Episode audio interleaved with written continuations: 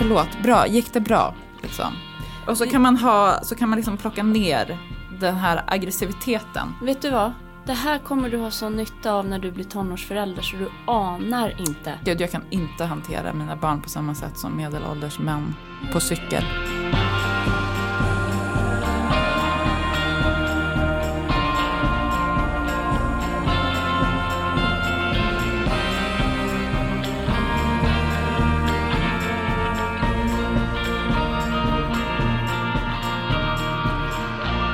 Vi kör. Mm. Jag känner redan att, att jag inte kommer hinna säga allt jag ville säga. Nej, du har mycket inom dig idag. Alltså, ja, jag känner mig helt bubblig. jag har också eh, sagt till dig innan att om jag, min energi är för stark och jag typ kör över dig. Så jag menar i alla fall förlåt. I förväg. I förväg. Okej, Jag ska försöka. tack. Hej. Hej. Du sitter med telefonen redo. Nej men jag sitter här med ditt mail om vad vi ska prata om. Ja, precis. För eh, det är tisdag eh, och eh, poddinspelningsdag. Mm. Och vi har från varsitt håll gjort lite spaningar, både omvärld och in i oss själva. Ja, precis. Så det tänker vi eh, att det här avsnittet på något sätt kommer handla om. Följ med.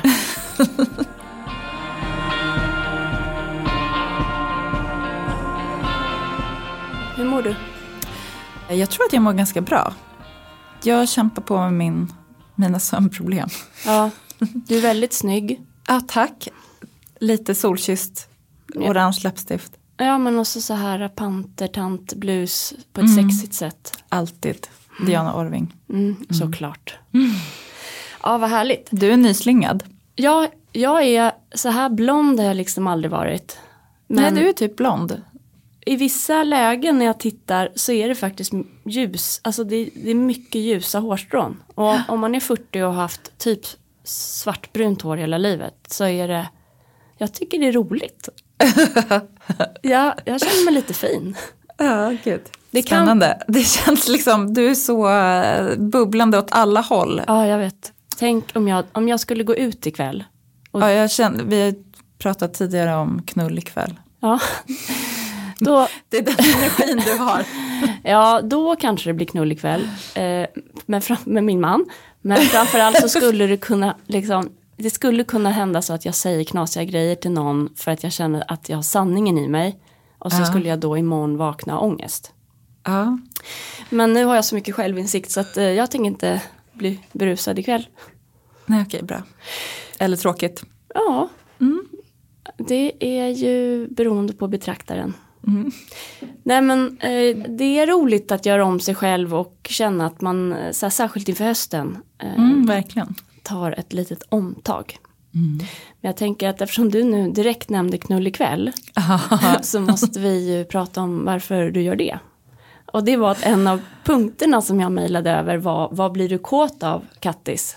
ja, Men den hade du lyckats missa så den såg du nu precis. den såg jag ju precis nu. Men det passade ju väldigt bra. Eftersom ehm, min man spelar musik liksom på hobbynivå. Mm. Spelar gitarr.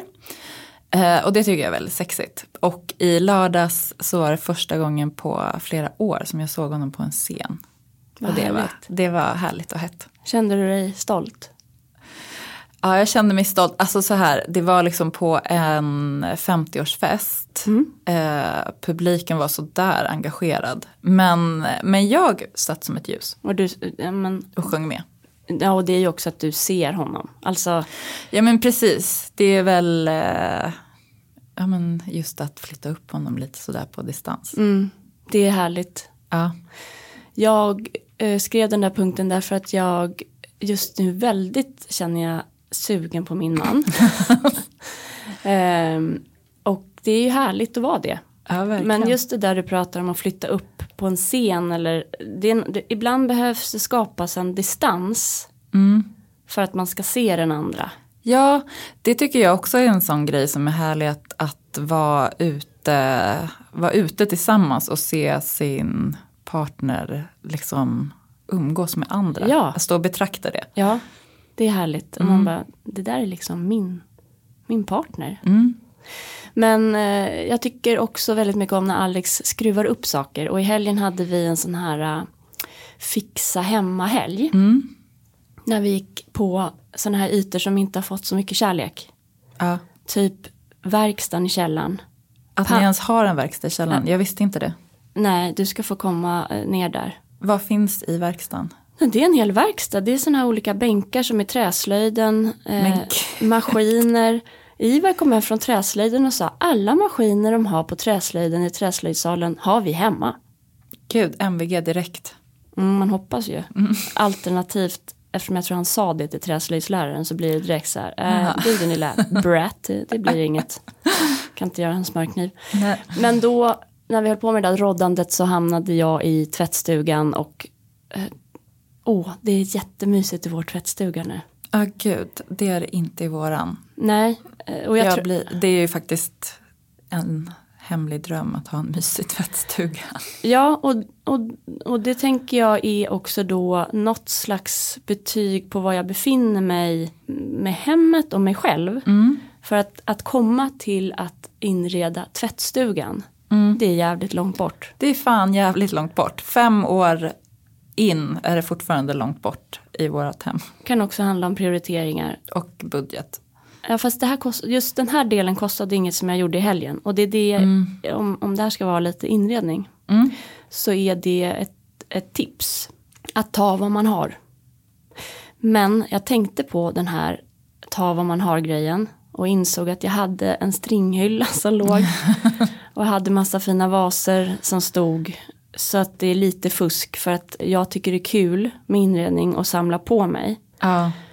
Men när vi gjorde ordning där i tvättstugan i helgen, jag fattar om det här låter astråkigt men jag, det var så jävla härligt. Och så stod Alex och borrade grejer. Jag kan också borra, älskar det. Men det är något med när han borrar. Men han vet ju också exakt vad han gör. Är det inte det det handlar om väldigt mycket? För jag tänker så här, Jacke med en borr, jag blir typ rädd att han ska borra sig i handen. Ja, nej det är inte bra men Jack, ja, för då Men blir man Jacke med en gitarr däremot, då Ja. vet ju han exakt vad han gör. Och då, är- då är han trygg, då blir du trygg. Och trygghet är ju det hela sexualiteten handlar om. För, eller ja, inte för alla kanske men. Nej, för mig, jag kan bara prata för mig själv. Att man behöver känna sig trygg och lugn helt enkelt. Behöver inte gå in djupare där känner jag. Jag ville bara berätta. Det var du som ville gå in på det här. jag, tyck, Ja. jag tycker ändå att eh, det är lätt i livet, om man har barn, att så här, kärleksrelationen tänker man bara ska, den klarar sig. Vi ses på andra sidan typ. Men den är ju väldigt viktig. Och en grej som vi gjorde eh, var ju att vi gick på den här hem, ett heminvigningen Ja. förra helgen. Och jag, jag tror att det var lite det som tände upp mig. Ja. Därför att då gjorde vi oss fina. Och så kom vi från varsitt håll och möttes och gick på den här grejen. Och Alltså så, det var en invigningsfest för hotellet Ett Hem som har eh, utökat. ja, de, de firade tio år och Just det. firade med att öppna upp ännu större. Och eh, Det är Ilse Crawford som Ja. har gjort eh, den inredningen också, eller hur? Jag tror att, men jag vet inte, men jag tror att de kanske inte har tagit in henne igen utan utvecklat vidare konceptet som är första delen. Men jag vet inte. Hur som helst så var liksom min man alltså så himla snygg. Och bara gå runt där och, och jag ser de där glimrande ögonen och så, ja det var härligt. Nu har vi ändå varit tillsammans i 11 år eller något. Mys.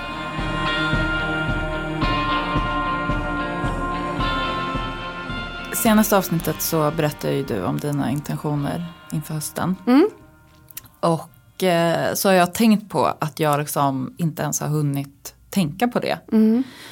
Och eh, kommit på att eh, en viktig grej jag ska fokusera på är att inte känna FOMO. Mm. Apropå den här ett hem-festen som jag inte var bjuden på. Nej. Men som eh, var liksom både att det var så här kompisar som hörde av sig på sms och var så här, ja ses vi ikväll och att den dök upp i flödet. Mm. Och, och sen i torsdag så hade ju Ton och Evelina Kron ett, eh, en lansering. Mm. Eh, Ton som gör hyllor men som har gjort ehm, Mattor nu. Nej, det är Layered som har gjort det med Evelina Kron. Mm, De har gjort eh, papperskorgar och eh, papp lådor. Hon, hon är överallt. Jag vet. Evelina, så jag, det är du är så värd Evelina, du är grym. Ja, gud, vi måste ringa upp henne och prata någon gång. Men eh, då var Jacke i Lund och eh, Milo hade fotbollsträning så, så jag kunde inte gå på den. Och sen så var det propaganda i helgen och sen så var det någon slags influencerresa till Köpenhamn där man kände så här, eh, varför är inte jag i Köpenhamn? Mm. Så att jag, den här senaste veckan så har jag fått jobba på just den känslan. För dig som inte vet vad FOMO betyder, för vi har faktiskt en annan lyssnare som är över 40. så är det ju re- liksom Fear of missing out Precis. står det ju för. att känna sig, att, att rädslan för att missa någonting, att Ja. inte vara med. Precis, så det, det kan ju liksom ta sig uttryck både i att man känner sig oinbjuden men också att man eh, kanske gör för mycket. Alltså det är både, både och. Att tacka nej. Nej, men man, man kanske tackar ja och så blir man utmattad av det typ. Ja, det har vi ju pratat om. Precis. Men just nu så var det mest så här känslan av att inte vara bjuden eller kunna prioritera roliga saker. Typ. Nej, vad, vad händer med dig då när du känner så? Då känner jag mig, eh, nej men jag känner mig ju utanför. Men liten. Är liten och utanför och som att jag inte har några kompisar. Mm. Fast jag vet att det liksom inte går att mäta i någon slags eh, mingelfest där ingen av mina riktiga kompisar ändå är. Nej, Men det är ändå den känslan. ja jag förstår. Så där kan jag ju verkligen också känna. Men hur gör du för att plocka upp dig då? Då tänker jag på en annan prioritering som ju är för mig just att försöka hitta en bättre balans och eh, vila och eh, inte liksom springa på för många bollar. Mm. Och att jag är bra som jag är. Du skrattar nu, men, men eh, hjälper den tanken? men jag, jag har faktiskt, jo det har faktiskt hjälpt lite grann. Och sen så, alltså jag menar fotbollsträning, det, är, det var ju inget snack om saken. Det är mycket viktigare för mig att Milo går på sin fotbollsträning som han älskar. Eh, och i helgen att han skulle ha sitt kalas liksom. Så det var egentligen inga svåra beslut. Nej, Men det är mer liksom som en, en reflektion av att så här, man bara, oj varför högg det till lite grann nu? mm. För att jag känner mig oinbjuden och mindre värd då kanske. Ja, det hinner ju gå som en hel cirkel nästan i hjärnan innan man landar på andra sidan. I alla fall vid bra dagar. Ja, Och eh, reser sig upp och är fine. precis. Alltså, jag tänkte också när jag såg många människor jag känner och tycker är jättehärliga vara i Köpenhamn. Ja, det var ju att det såg så sjukt härligt Man ut. bara, jag vill vara med. Och jag vet precis hur de där samtalen är och så här härligt. Så bara, hm, ah, vad Jag undrar varför jag inte var tillfrågad. Så bara, men Elin, hade du kunnat åka på det? Nej, eller, exakt. Eller så här, känner du de här människorna egentligen väl eller via jobb?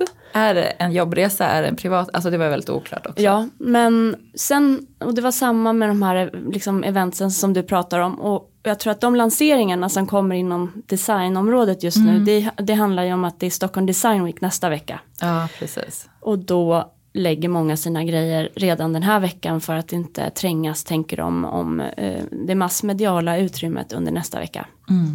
Men då var jag tvungen också att tacka nej till några grejer som jag verkligen, verkligen hade sett fram emot. Därför att eh, så privat, vi fick inte ihop det för Olle är sjuk. Och, och då var det först min den här, du vet att eh, man får inte banga.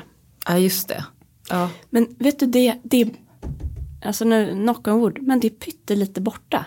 ja, Jag har inte känt det sen i våras. gud vad skönt. Och jag undrar om det är medicinen och att jag mår psykiskt bättre. Men Men jag tänker att det också är skillnad på att banga i privata sammanhang och i professionella sammanhang. Och de här lanseringarna är ju kanske mer på det professionella planet. Jo absolut, men det är ändå för mig är det samma känslor. Om jag har Ah. bestämt mig för att gå på en middag som jag är bjuden eh, till. För en lansering där bland annat Evelina Kron har varit formgivare som jag känner. Om jag samma dag ställer in det när de har pl- planerat liksom Ja, bordsplaceringar. Bokat mat och... Det tycker jag, det är inte okej. Men Olle var sjuk, vi fick inte ihop det. Och då, så för mig blev det nästan lite skönt för att jag, jag ställde in någonting och kände att jag ställde in det av en rimlig anledning. Mitt barn är sjukt, annars hade jag gått, för jag ville. Mm. Ja, precis. Alltså ganska rena känslor. Ja, Och jag tror att man får bara hålla på vidare med de där. Men det var därför, du, du kanske, FOMO är kanske resultatet av, egentligen ska du kanske backa till min punkt på listan, stärka upp självkänslan. Att hela tiden, alltså FOMO, om jag ska göra en hobbyanalys, mm. kanske handlar om att självkänslan svajar. Ja men hundra procent. Så istället för att sätta plåster på det genom att bearbeta FOMO så kanske det är bättre att bearbeta, alltså bygga upp på riktigt, jobba med självkänslan. Ja. Och det för mig vidare till nästa punkt som jag vill bubbla om. Ja. Fast vi tar en trudelutt här först.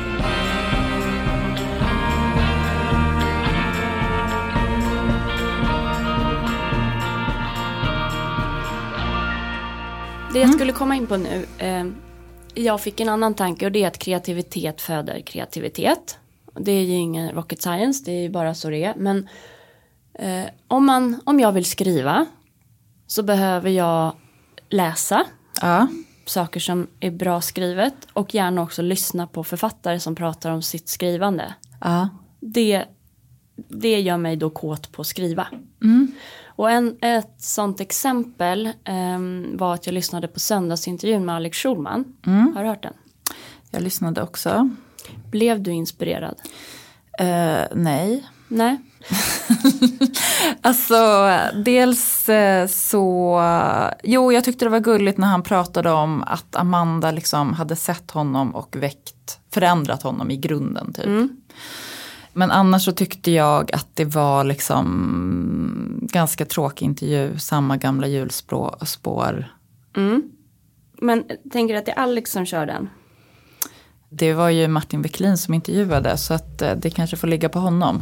Ja, för um, jag lyssnade på söndagsintervjun i bilen, jag har gjort det i två delar. Och det är något med Alex Schulman som, han dyker upp som en referens för mig i olika sammanhang och säkert i jättemånga andra människors liv också för att han är en storyteller i DN på Instagram, han skriver romaner. Mm.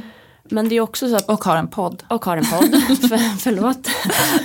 förlåt mig. Um, men det är också så att jag har följt honom från liksom den här podden han skrev för länge sedan och var eh, bloggen, bloggen. på Stureplan. Ja, men och, jag var eh, då lite liksom järv och kunde vara taskig till att se hur han har utvecklats till en fantastisk författare. Mm. Och jag lyssnar på deras podd, han och Sigge och Alex podd i omgångar. Nu har inte jag gjort det på några år. Inte jag heller, på ganska väldigt många år faktiskt. Men när man gör det mm. så är det ju väldigt, det är ju genomarbetat och de lägger mycket tid på det och det är liksom kvalitet i det de gör. Mm. Så jag var nyfiken och satte igång den här intervjun och då är det ju direkt Ja, men jag, eh, jag satt och sa saker högt i luften för mig själv i bilen. och då var det bland annat att den här, eh, som, han som har söndagsintervjun, Martin, uh. ställer liksom samma frågor om och om igen till Alex Schulman. Som, som alla har som, gjort som i alla, alla, år. Ja. Mm. Och då kan jag fatta att man blir lite trött. Så här, jag hade jättegärna hört om tripprapporter mm. som ska upp på Dramaten berätta mer om det. Hur har det funkat under covid här nu och hur känns det egentligen att liksom ens roman ska tolkas på scen eller Malmö station som han släppte i förra veckan. Mm. Jag vill höra om mycket mer om de karaktärerna. Var, var kommer den berättelsen ifrån? Hur går skrivprocessen till? Och jag fattar att söndagsintervjun handlar om människan. Att det kan mm. inte snöa in för mycket på litteraturen eller ett snävt spår. Men han kan ju aldrig bli någonting annat om han i de här sammanhangen bara får den typen av Nej, frågor. Man kanske kan använda de nya ämnena för att öppna dörrar också till nya sidor eller nya frågor. Typ. Ja, jag tänker det. Och då var det ett par grejer som jag hajade till vid. Dels var det precis samma sak du sa om det här med eh, Amanda. För då fick han frågan, ja när du träffade Amanda, du har ju sagt att du förändrades då. Mm. Då skrek jag, men vad fan det har vi ju hört några mm. gånger nu. Men då svarade han helt otroligt nog på ett nytt sätt som jag inte hade hört tidigare. Men, att, men det var som att hon såg rakt igenom mig och då behöver man inte ha alla de här äh, maskerna och filtrerna uppe. Precis, de här personerna som han Exakt, karaktärerna. byggt upp. Liksom. Och det fick mig att tänka på en serie jag tittar på nu som heter Den farliga leken som går på SVT. Har du sett den? Jag har inte sett den. Brittisk, jag tror att det är tre avsnitt, att vi bara har ett avsnitt kvar. Är det psykologisk thriller? Eller? Ja. Det låter som det. Ja. Mm. Och det här är ju på spåret att kreativitet föder kreativitet. Ja. Därför att jag vill jättegärna gå på massa utställningar i höst. Och jag, Ja, också. Har man tid för det, gör det. Men det finns ganska mycket liksom, injektioner i din padda eller i din tv-apparat. Mm. Och den här serien vill jag verkligen tipsa om. Den är, eh, det handlar om en, en kvinna, man får se att hon ballar ur och kör över en bro och det sitter två barn i baksätet. Mm. Och så får man följa henne under terapi med rättspsykiatriker som ska utreda om hon var vid sina sinnesfulla bruk när det skedde eller inte. Och Hon kör av en bro? hon kör Eller? rakt ner i vattnet. Okej. Ja. Så man ska ju hata henne. Ja. Och då tycker jag det är fascinerande för på samma sätt som Amanda Schulman, jag har märkt den här tendensen.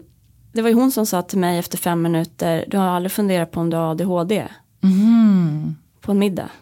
Vi känner ju inte varandra. Det var ju verkligen märkligt sagt. Och, och t- jag vill bara tack för det. För att det var ju spiken i kistan som gjorde att jag gjorde undersökningen. Det är klart jag hade funderat lite grann på det. Vi hade ju pratat om det några, någon månad innan. Den där tendensen som Amanda har att kunna se igenom Alex. Mm. Den har också den här karaktären i den farliga leken. Mm. För fast hon är helt psycho då. Så kan hon se terapeutens känslor. Alltså inte på ett spöklikt sätt. Utan bara så här. Det finns något tror jag, min tes är. Människor som har en psykisk sårbarhet. Har också, jag har träffat många sådana och jag känner att jag är sån själv. Mm.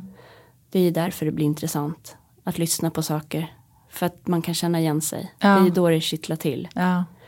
Men när jag hör Alex berätta om det där och när Amanda sa sådär till mig.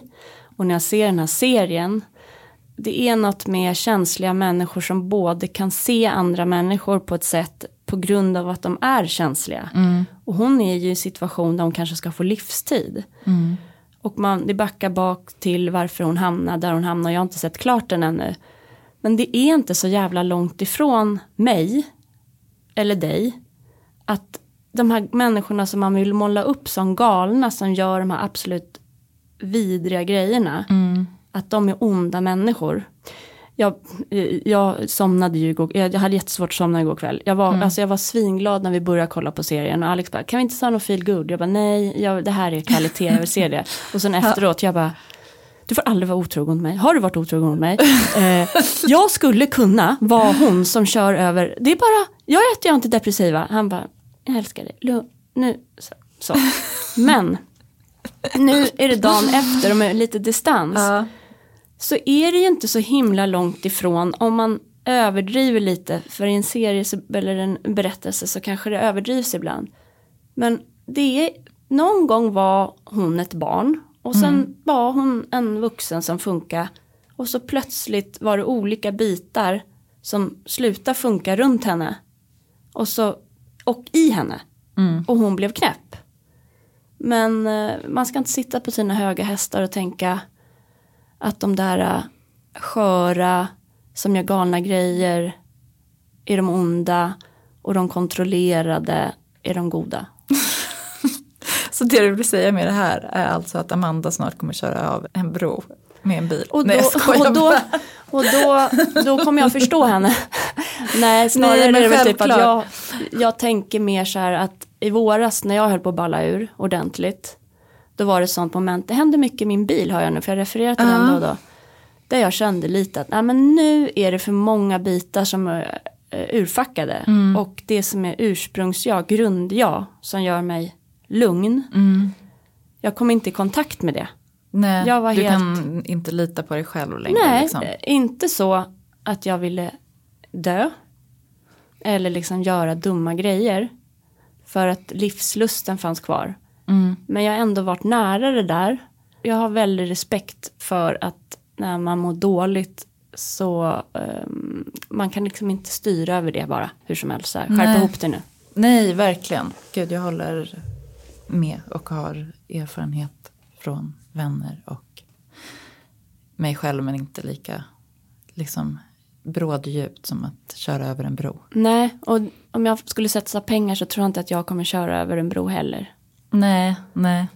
Men jag, Men jag har i mina ton, alltså särskilt i mina tonår så, så mm, flera av mina bästa kompisar brottades med olika liksom, sorters psykisk ohälsa och i efterhand så, så kan jag se att eh, det hände att de kanske gick in i någon psykos och Mm. eh, sen gjorde saker och sen hade minnesluckor och inte kom ihåg och sådär. Mm.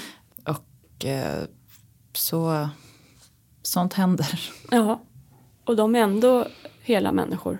Ja, fan, underbara, fantastiska människor. Alltså, ja, genialiska på alla sätt.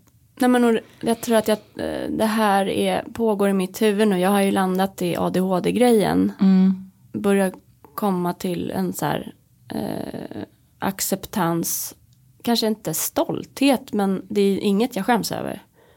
Nej, det får du inte göra. Nej, men under den här perioden då, som för mig var ganska kort, eh, för, liksom förändringskurvan och acceptans, så har jag också tänkt mycket på hur vi kategoriserar människor överhuvudtaget. Alltså diagnos eller inte diagnos. Och när jag såg den här serien då och hörde Alex prata om Amanda så, så jag värdesätter verkligen att den typen av människor finns som är sköra och också ser andra. Vi behöver verkligen dem i samhället. Mm. Vi behöver dig, Elin. Ah, tack. Det var det jag ville få sagt faktiskt.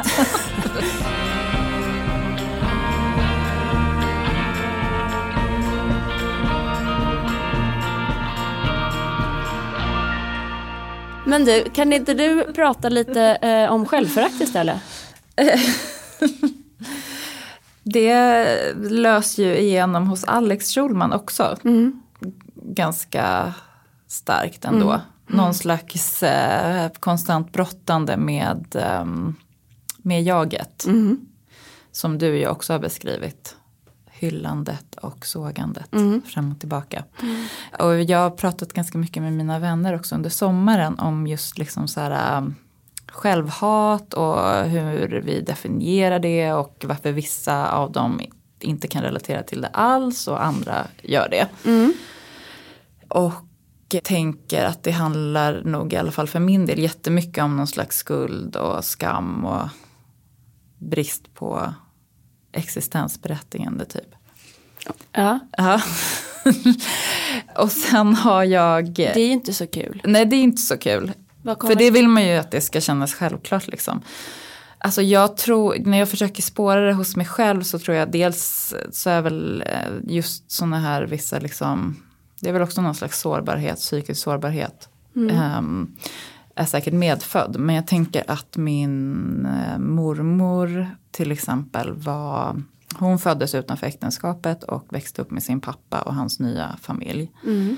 I en liksom kristen miljö, en församling, en, en mindre församling. Och eh, jag hade alltid jättesvårt för min mormor, alltså det är hemskt. Men hon, det var liksom någonting med henne som kändes så här uh, otryggt. Alltså hon var inte en hel människa, Nej. tror jag. Alltså hon hade aldrig fått möjlighet att utvecklas till, sitt, till ett helt jag. Nej. Och då tänker jag att hon säkert gick runt i hela sitt liv och kände att hon inte riktigt hade det här existensberättigandet som, som hon ju egentligen förtjänade. Och det var ju ingenting man pratade om. och Hon var dålig på att prata om saker överhuvudtaget. Eh, och att det här är sådana saker som typiska saker som kan gå i arv i generationer. Liksom. Som en underström liksom, utan att man ens kanske vet var det kommer ifrån. Absolut. Så när jag tänker på mig själv så, så tänker jag att det kan ha med det att göra. Jag, jag vet inte. Kan det vara med på din lista för hösten ihop med typ sätta upp de där grejerna i, i huset så att det blir klart för en potentiell fotografering? Ja, just det. Vi måste jag flyttar ju runt lite tavlor. Ja, det kanske det kan vara. Jag ska fixa klart hemma version 2.0 och eh, hela mitt, eh, min dåliga självkänsla. Nej, men jag har tänkt på en sak när man cyklar i Stockholm så är det en väldigt bra terapiform. Jag är liksom uppväxt i Uppsala och eh, uppväxt på en cykel för där cyklar man överallt. Jag cyklar skitsnabbt men jävligt säkert. En fråga bara. Ja. Blir du inte, eftersvettas du inte när du kommer fram? Nej eftersom jag har min elcykel. Så är det. För det är mitt stora problem. Jag kan inte cykla långsamt. Nej det går ju inte. Men då har jag noterat att eh, spandexmännen de har jag liksom lärt mig att eh, hantera för länge sedan. Genom att, Genom att bara vara så här, äh, att man jobbar på sin acceptans, på, på att inte vara stressad och på att vara lite mindful. att hålla sig undan nästan. Alltså det är ingen, man får välja sina strider. Man väljer sina strider, precis. De är ju galna. Sen finns det liksom en ny sorts man som har dykt upp i våran ålder. Typ tvåbarnsfarsa i Enskede ungefär. Eller saltis. Kanske. Det har hänt nu på ganska kort tid att eh, jag har cyklat om eller liksom hamnat i någon slags interaktion med den här sortens män. Var på dagen liksom börjar skrika efter mig och jag har trott typ så här, oj gud jag har tappat något, de ser helt oskyldiga ut. Ja. Nej, då är det typ så här, ah, den där svängen var ju jävligt snäv. Eh, Jag skulle vilja ha en kamera när du är ute. då känner jag så här, äh, vänta nu. Jag som går runt och äh, liksom har gått runt hela mitt liv och varit rädd för att folk ska bli arg på mig. Ja. Det kanske mer har att göra med typ att min pappa kunde bli jävligt arg äh, än med min mormor. Ja. Men män som skriker på mig, det, jag reagerar liksom fysiskt. Mm. I också. Mm. obehag av det. Blir du arg, Ehm, blir du ledsen? Nej men jag kan känna båda känslorna. Mm. Men nu har jag försökt vara så här, okej, det här är liksom Kattis 40 som hanterar situationer. Oj, förlåt eh, om du uppfattade det så. Jag var helt säker på vad jag gjorde, det var aldrig någon fara. Och nu i den senaste situationen. Vänta, stopp. Ja, jag säger det då. det Men står ni stilla då eller, eller ropar du det? För Nej, att men, det är svårt att eh, ropa den meningen lugnt. Nej, Förlåt. Men vi har, antingen så har det varit så här att de typ rop, cyklar efter mig och Ja. då kan man prata i, på cykeln Ja. innan jag sen med några lätta tramptag drar ifrån eftersom det går så snabbt på min cykel. Ja. Eh, men senast så var det så här, det var en man som skulle svänga av. Det var en nedförsbacke och som sen blir en uppförsbacke. Så att i den backen vill man liksom ha fart. Ja. Oavsett vart man ska. Ja. Om man då inte ska svänga, men då håller man ju inte liksom längst, då klistrar man sig inte till höger, man ska svänga Nej, till korrekt. vänster. Det vore dumt. Det vore dumt. Det gjorde han och sen så liksom sträckte han ut sin arm precis eh, två meter innan han skulle svänga. Varpå jag var tvungen att liksom tvärnita. För att jag Ja. låg ganska tajt efter honom. Och han började skrika till mig och så här, jag trodde typ att han skulle säga något om någon katt som stod där. Eh, nej men det var inte det. Utan det var så här, eh, är du dum i huvudet typ? Så här, du eh, höll ju på att köra på mig. Jag ser ju här att du fick tvärnita. Och man bara, och då var jag verkligen så här, jag bara okej nu måste jag förstå situationen. Jag bara varför är du så upprörd? Du, jag hade ju hade kunnat köra in och så hade vi ju ramlat båda två och det hade ju inte varit så kul, eller hur? Han var rädd. Ja, och då, det var då jag insåg så här, jag bara, men gud du blev rädd. Ja. Förlåt att du blev rädd. Här då vill jag- förstår jag. Och då blev det som att jag bara så här, jag förstod en sida av manligheten så himla tydligt som handlar om att när män, nu generaliserar jag grovt här, men när män blir rädda då slår de. Eller så skriker de. Eller så liksom, de kan inte bära den här rädslan så den måste ut på någon annan. Och Det måste vara någon annans fel. Det är väl därför det blir så jävla mycket slagsmål hela tiden. Mm. Och då kunde jag också flytta den här känslan av att ha gjort fel tillbaka där den hörde hemma. Det var väldigt skönt. Bravo. Ja, Det där är inte så lätt. nej det är jätte, det är absolut. Vet du vad?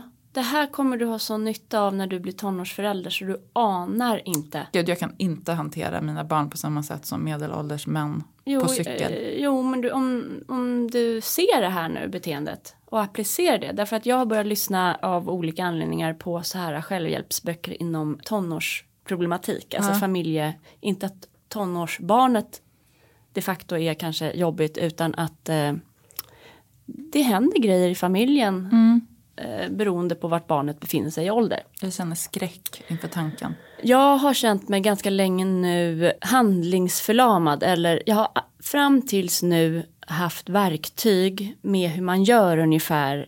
Okej, när man är sur på morgonen, ja, han får en macka eller om jag säger att om tio minuter ska du gå och lägga dig så är det mycket smartare än att säga att du ska gå och lägga dig nu.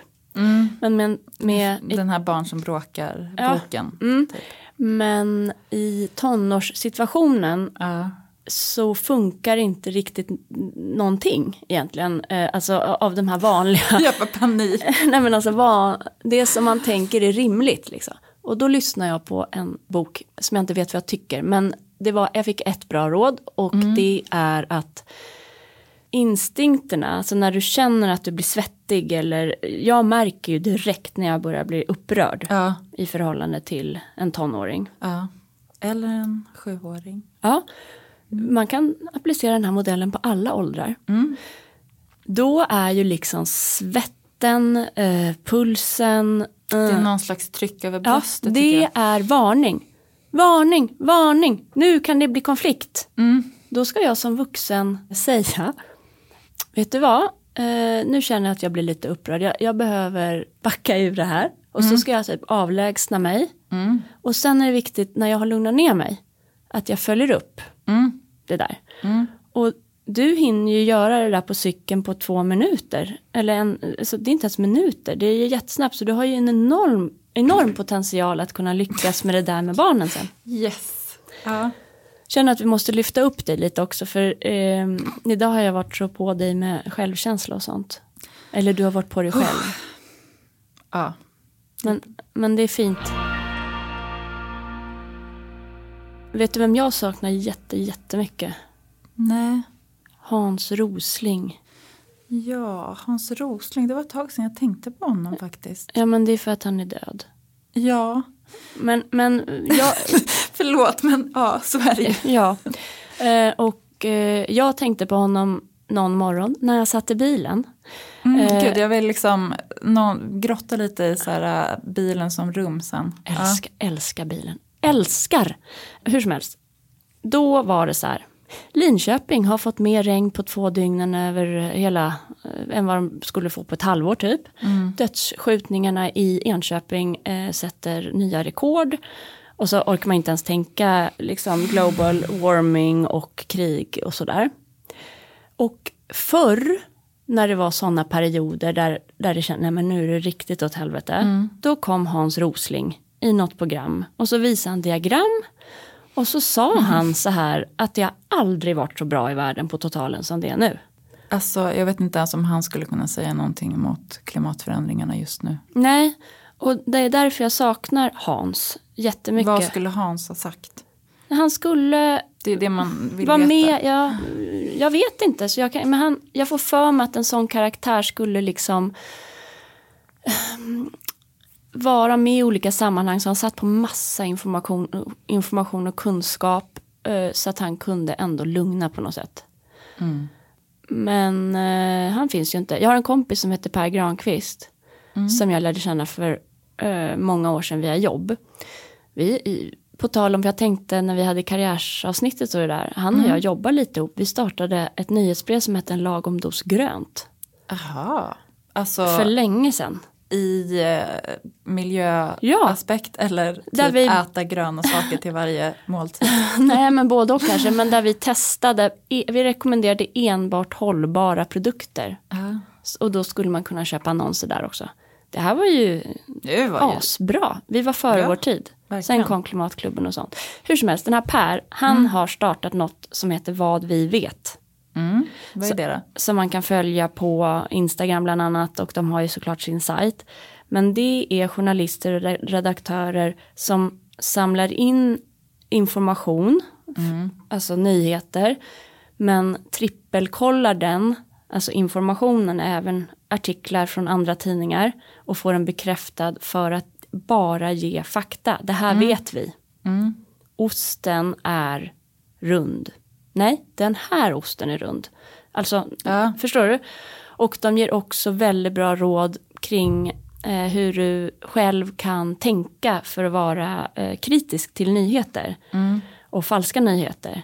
Och jag vill bara, det här är ingen, han vet inte ens att jag pratar om det här. Men han har potential att bli nya Hans Rosling. Men det är bara det att han vill ju inte säga hur det är. Utan han säger ju liksom fakta. Han, han kommer aldrig säga att det kommer gå bra. Nej. Utan- Men gjorde Hans Rosling det? Han sa ju också mest fakta. Sant. Ja men Per, eh, du har ett fönster här. Det är bara Ah. att kliva in. Och också vill jag tipsa alla om att gå in där inför valet nu. För där står det om alla partierna. Ur ett fakta. Alltså det finns ingen, man kan inte se vad Per kommer rösta på. Eller någon annan som har skrivit något där. Så den är en bra källa för kunskap. Gud, jag ska gå in och kolla.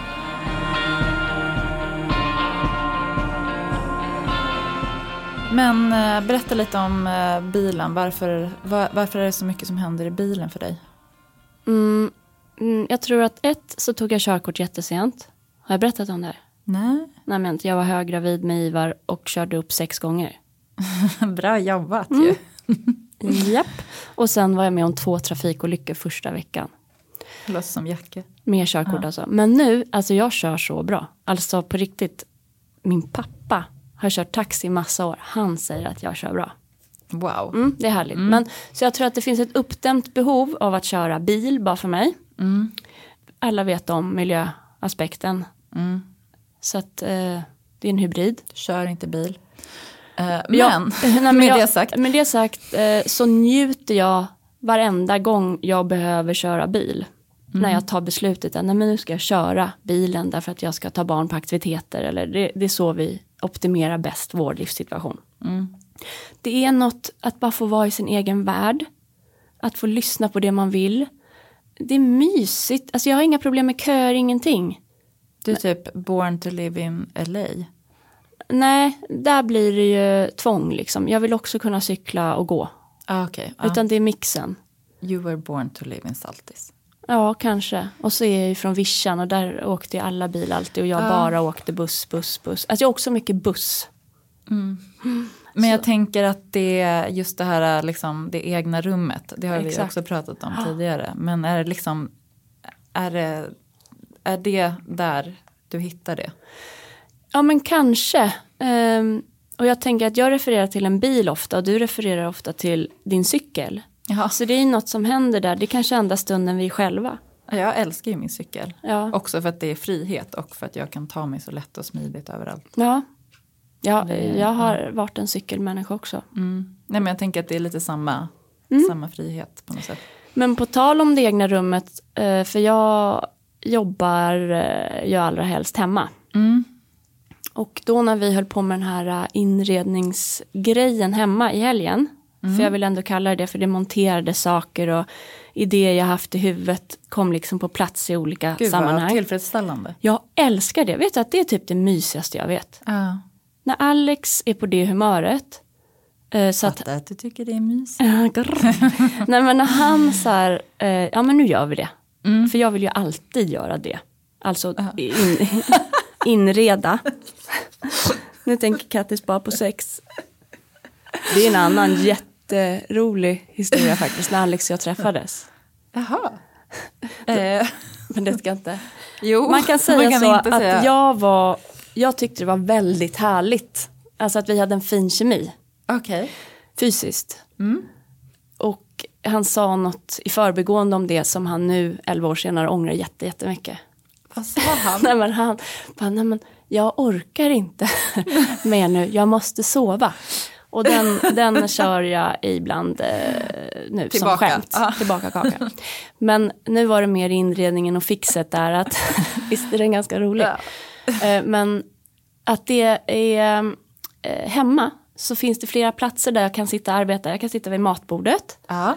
Jättebra i höjd, det är ett konferensbord egentligen som vi har gjort om till matbord. Vi har där nere ett till bord Alltså i biblioteket, vi måste vara tydliga Mm. i här. biblioteket. Där har jag suttit nu. Castiglione-bordet. Mm. Hej och sänkbart. Men jag håller också på att bygga någon slags kontorsplats inne i vårt eh, alltså förrådsrum, det vi kallar mangelrummet. Och jag tror att det här... Ditt egna, det är ditt egna Det, rum. exakt. Det är det jag håller på och letar efter, det egna rummet. Att kunna stänga en dörr till någonting. Ja. Och det, eh, så långt in i huset, det är liksom rummet innan tvättstugan. Det är mina domäner. Jag kan vara där nere jättelänge utan att någon hittar mig. Kul. Och då tror jag att där skulle, där skulle jag kunna... Ja, det är någon trygghet där. Det är Mm. inte det här stora fönstret mot eh, havet eller... Det är ju bredvid Mangen. Men jag, jag blir liksom lugn Det är där. där du hör hemma. Hur har du det där du...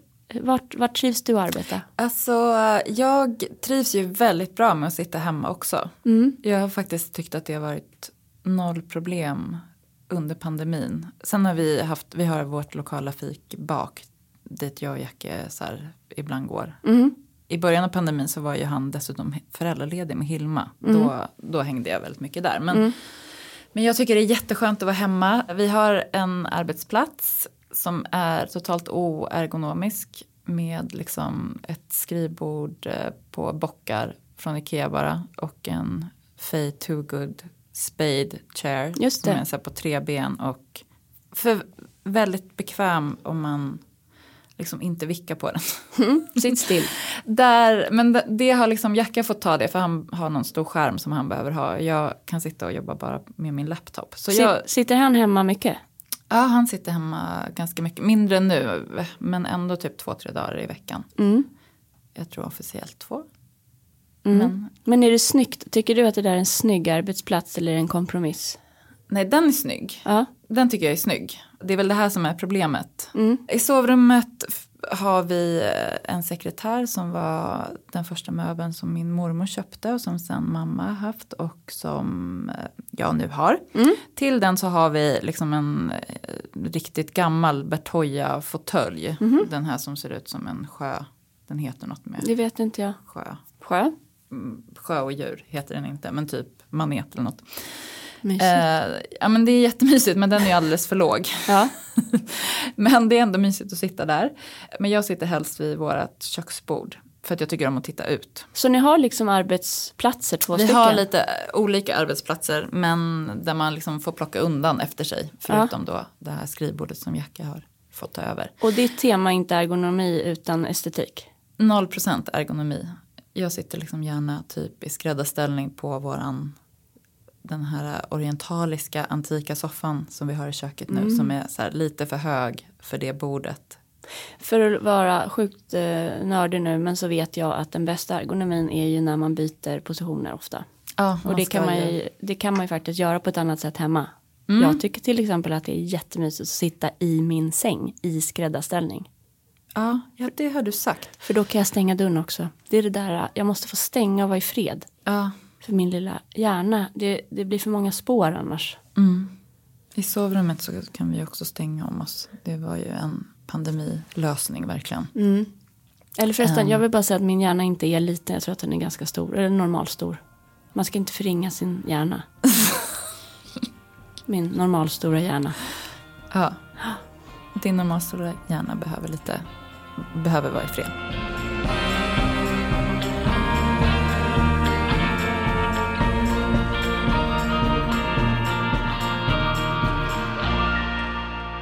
Ja, men det här sänds ju på fredagen.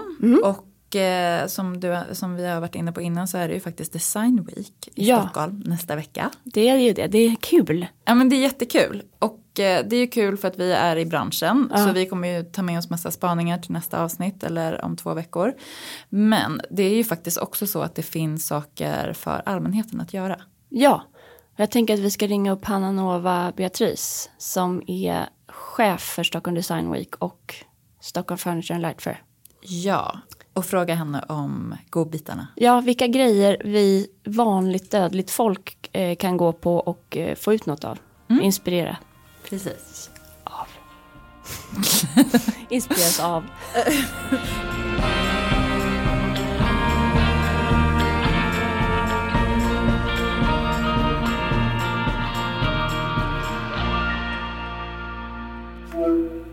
Hanna? Hej Hanna. Hej Hanna.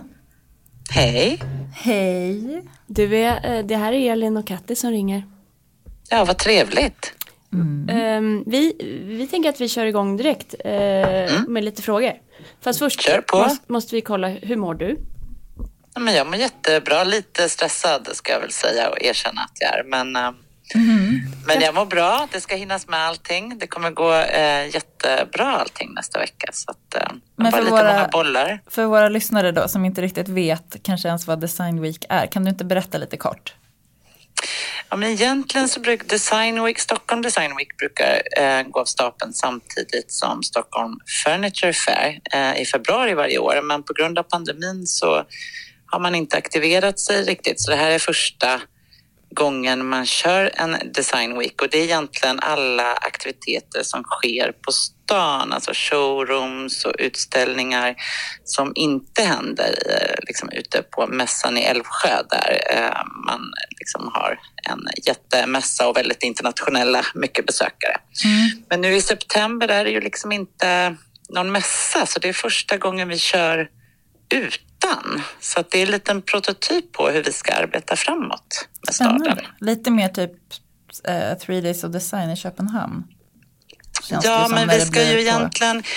Eh, vi har ju haft Stockholm Design Week har gjorts av mässan i 20 år men varit lite så här styvmoderligt behandlad att det är liksom det som sker på stan liksom efter mässan på kvällen när man går ut och eh, dricker drinkar och minglar. Men vi vill ta ett lite större grepp och få med oss hela staden och aktivera varuhus och näringsliv och eh, på lång sikt eh, och även liksom göra fler utställningar och att vi tar, eh, vi tar rodret och gör lite saker själva också.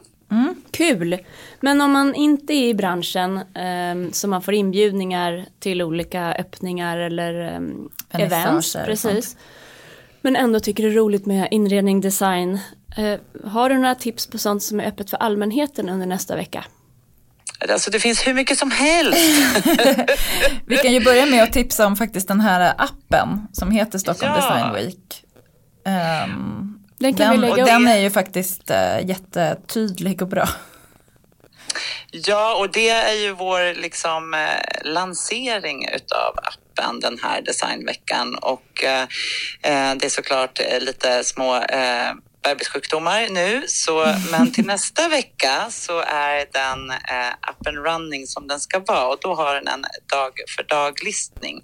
Så då kan man ladda ner den gratis och så kan man titta och där står det också jättetydligt om det är eh, by invitation, att man måste ha en inbjudan eller om det är öppet för allmänheten. Och eh, jag skulle säga att eh, vissa saker kräver i och för sig att man anmäler sig, men jag skulle säga att 95 procent faktiskt är öppet för allmänheten. Är det sant? För det tror inte jag, Mm. det tror jag inte är den allmänna bilden. Vad roligt. Nej, och det är ju den bilden vi ska ändra på nu. Så det här är liksom startskottet för det. Och så här vill ju vi att det ska se ut sen i februari varje år.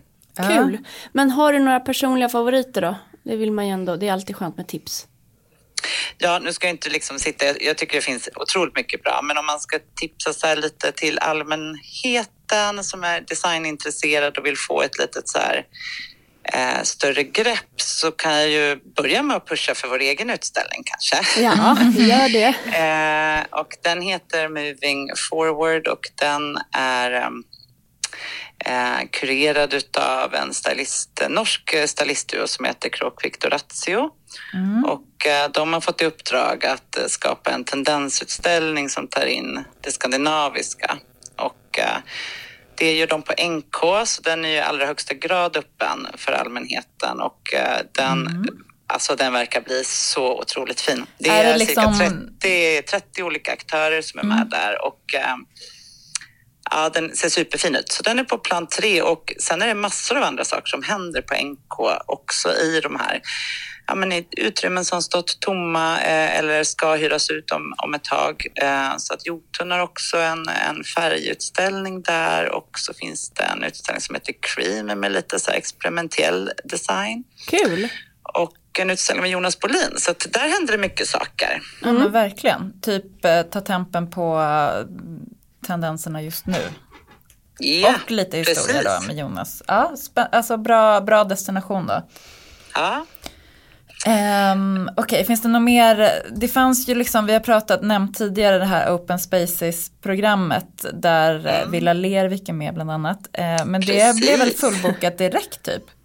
Ja, så det var bara en sån här liten idé som vi hade och så tänkte vi testade det lite grann och det blev eh, så eh, uppskattat så vi hann liksom inte riktigt ens kommunicera det så brett som vi hade tänkt. Så att det ska vi ju ta lärdom av och ta med oss till februari för att eh, vi har sådana väntelistor på eh, de här open spaces. Eh, det är ju besök som eh, till eh, lite olika typer av, det kan vara ett privat hem eller en byggnad. Så det var väldigt, väldigt uppskattat. Ja, Eh, men man det, vill ju liksom komma in till det här äkta tänker jag, även ateljéer eller Mm. ehm, Ja, Marika man vill verkligen det. Dahlins trädgård. Ja. Där, Ja. eh, då kan jag tipsa om eh, min svärmor Lin, eh, Lena Lerviks ateljé. Hon kanske kan vara med i februari. Ja, det blir ett toppentips. Ja. Alla Ja. tips för februari kan jag säga mottages Ja, varmt. för det är mysigt Eh, där om det är uppe. någon som vill visa upp sitt hem eller sin ateljé. Kattis, är du sugen på att visa upp ditt hem? Hemma Eh. hos inredningsjournalisten. Alltså jag älskar ju vårt område väldigt mycket. Mm. Ehm, det här eh, folkhemsbygget som det på något sätt representerar. Eh, så att, eh, ja kanske. Ja, precis. Du får höra av dig. Ja. Mm. Vad roligt. Men, Men vad mer, har du något mer liksom guldklimpar? Det är Nej, ganska men, eh, många ändå liksom valmöjligheter här när man tittar Kattis på. scrollar. Ja, jag det är scrollar ett, eh, Det är ett 70-tal som har anmält sig till Design Week och då är det liksom en del är ju företag och en del är eh, lite mindre aktörer och vissa är utställare som alltså gör en, ett, en liknande galleriutställning. Så man, det finns som Galleri Jämla som som öppnar precis in till Gamla Vinbar. Det är en svensk producent. De gör en liten utställning i ett galleri som sen ska bli permanent till, in till sin vinbar. Det är lite härligt. På Söder. Mm. Ja, de har ju så sjukt goda dit. viner. Alltså det har de ju verkligen. Precis. Det ligger på Och, eh, Söder. mat också. Ja. Mm. Och sen eh, om man tittar, sen är det ju några som liksom riktar sig mer mot contract och vissa mer mot privathem och vissa både och. Men det finns ju som Dusty Deco som eh, är ju kanske mer mot eh, liksom privatmarknaden. De har en utställning. Det, det är väldigt blandat ska jag säga. på Det är verkligen inte bara att man eh, riktar sig mot inredare eller arkitekter. Vad Nej. roligt. Det känns som att det kommer kunna bli en bubblande vecka. Ja. Ja, men jag känner det. Jag Men känner har du. Hanna, har du Hanna liksom hunnit ta något eh, trend eller spaningsgrepp? Kan du ge oss en liten försmak på liksom vart eh, inredningsvärlden eh, eller inspirationen är på väg? Jag kan titta lite på de som ställer ut på utställningen Moving Forward så är det en väldigt fin blandning av eh, några skandinaviska varumärken eh, och eh, liksom makers. Så det är så fin blandning. Det är väldigt, ja, men det vi har pratat om de senaste åren, att vi eh, använder lokala material eller material från Skandinavien och att det är väldigt eh, stor fokus på unika objekt eller liksom det hantverksmässiga och den här emotionella känslan och relationen som man ska liksom få till, till saker och ting. Eh, så det det, pratar kanske vi inte så här... väldigt mycket om i podden också, just där Ja, hem i själ på något sätt. Ja, så det är inte jättemycket att man kanske pratar, de objekten som visas där kanske inte, man pratar jättemycket om liksom, miljötänk per se. Men, eh, men man pratar, det är mycket fokus på liksom, känslan och hantverket och kvaliteten. Sen finns det lite roliga aktörer som ställer ut där som absolut har miljötänk som en hygienfaktor. Bland annat lanserar eh, ett varumärke som heter Ekbacken Studios som bland annat Kristina Tjäder ligger bakom från, från Dagmar. Eh, där de gör, eh, tanken är att de ska göra möbler av olika typer av material. Men första kollektionen som de visar där är gjord av eh, fisknät från Portugal. Så eh, ja, men det finns mycket spännande där om man vill få en sån överblick. Men annars skulle jag säga att material och kvalitet är väldigt mycket i fokus. Ja, Jag tänker, Elin, visst har ni också en utställning på Svensk Tenn som, som går in på det temat? Precis, vi har ju den iransk-franska internationella eh, designern och arkitekten India Madavi som Mm. eh, gör en utställning hos oss som öppnar på måndagskvällen eller på måndag för press men sen från tisdagen är den öppen för allmänheten. Eh, hon har bland annat för, för den liksom eh, gemene man så tror jag man har varit i London eh, och varit på en cool restaurang som heter Sketch. Så det, det är den liksom referensen jag hade innan jag fick höra om det här samarbetet vi skulle göra. Eh, den gjorde ju hon redan 2014 den här restaurangen men den är verkligen eh, fortfarande tycker jag en egen värld. Och nu Mm den här utställningen och även ett par produkter som hon gör. Eh, det var ju planerat redan för februari i år. Så att det har varit en sån här liksom karamell som eh, Svenskt Tenn har gått och sugit på länge. Men eh, nu så, äntligen. Och hon jobbar väldigt mycket med färg, så hon är väldigt inspirerande tycker jag. Ja, precis. Ja, Särskilt i en skandinavisk kontext kanske. Verkligen, alltså det kommer ju bryta av eh, kanske då det här eh, naturliga, träiga. Det är lite mer färg.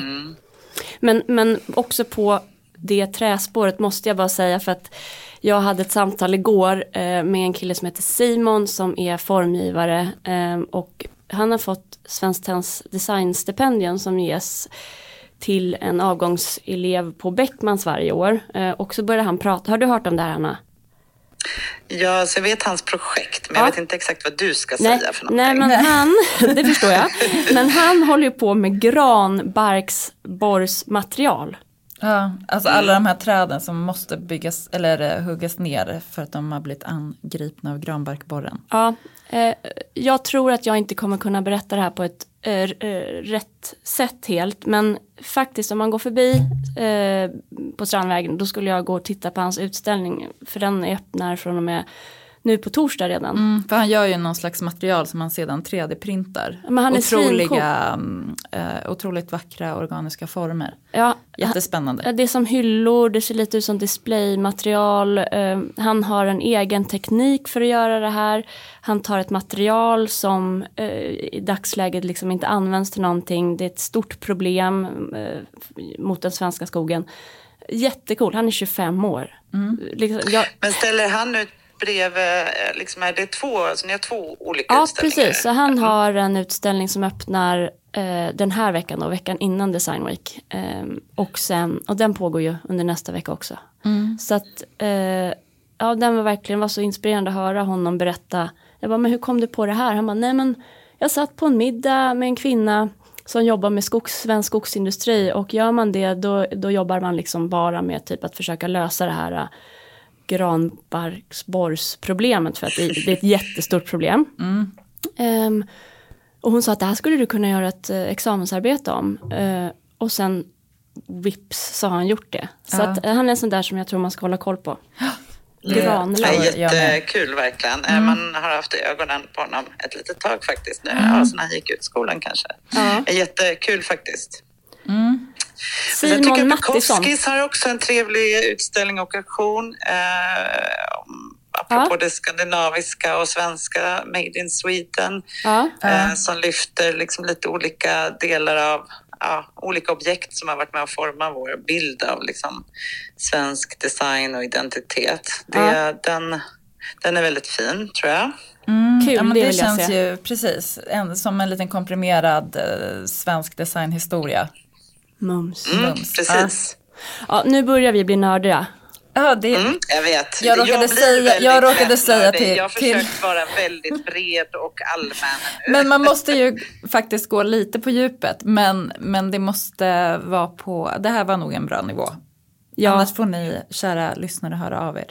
Ja. Mm. Men det är, ju, det, är ju, det är ju kul att få ta del av en bransch så här, äh, även om man inte är i den. För att det är en tendens om samtiden på något sätt. Ja, och det har ju i allra högsta grad med inredning att göra. Mm.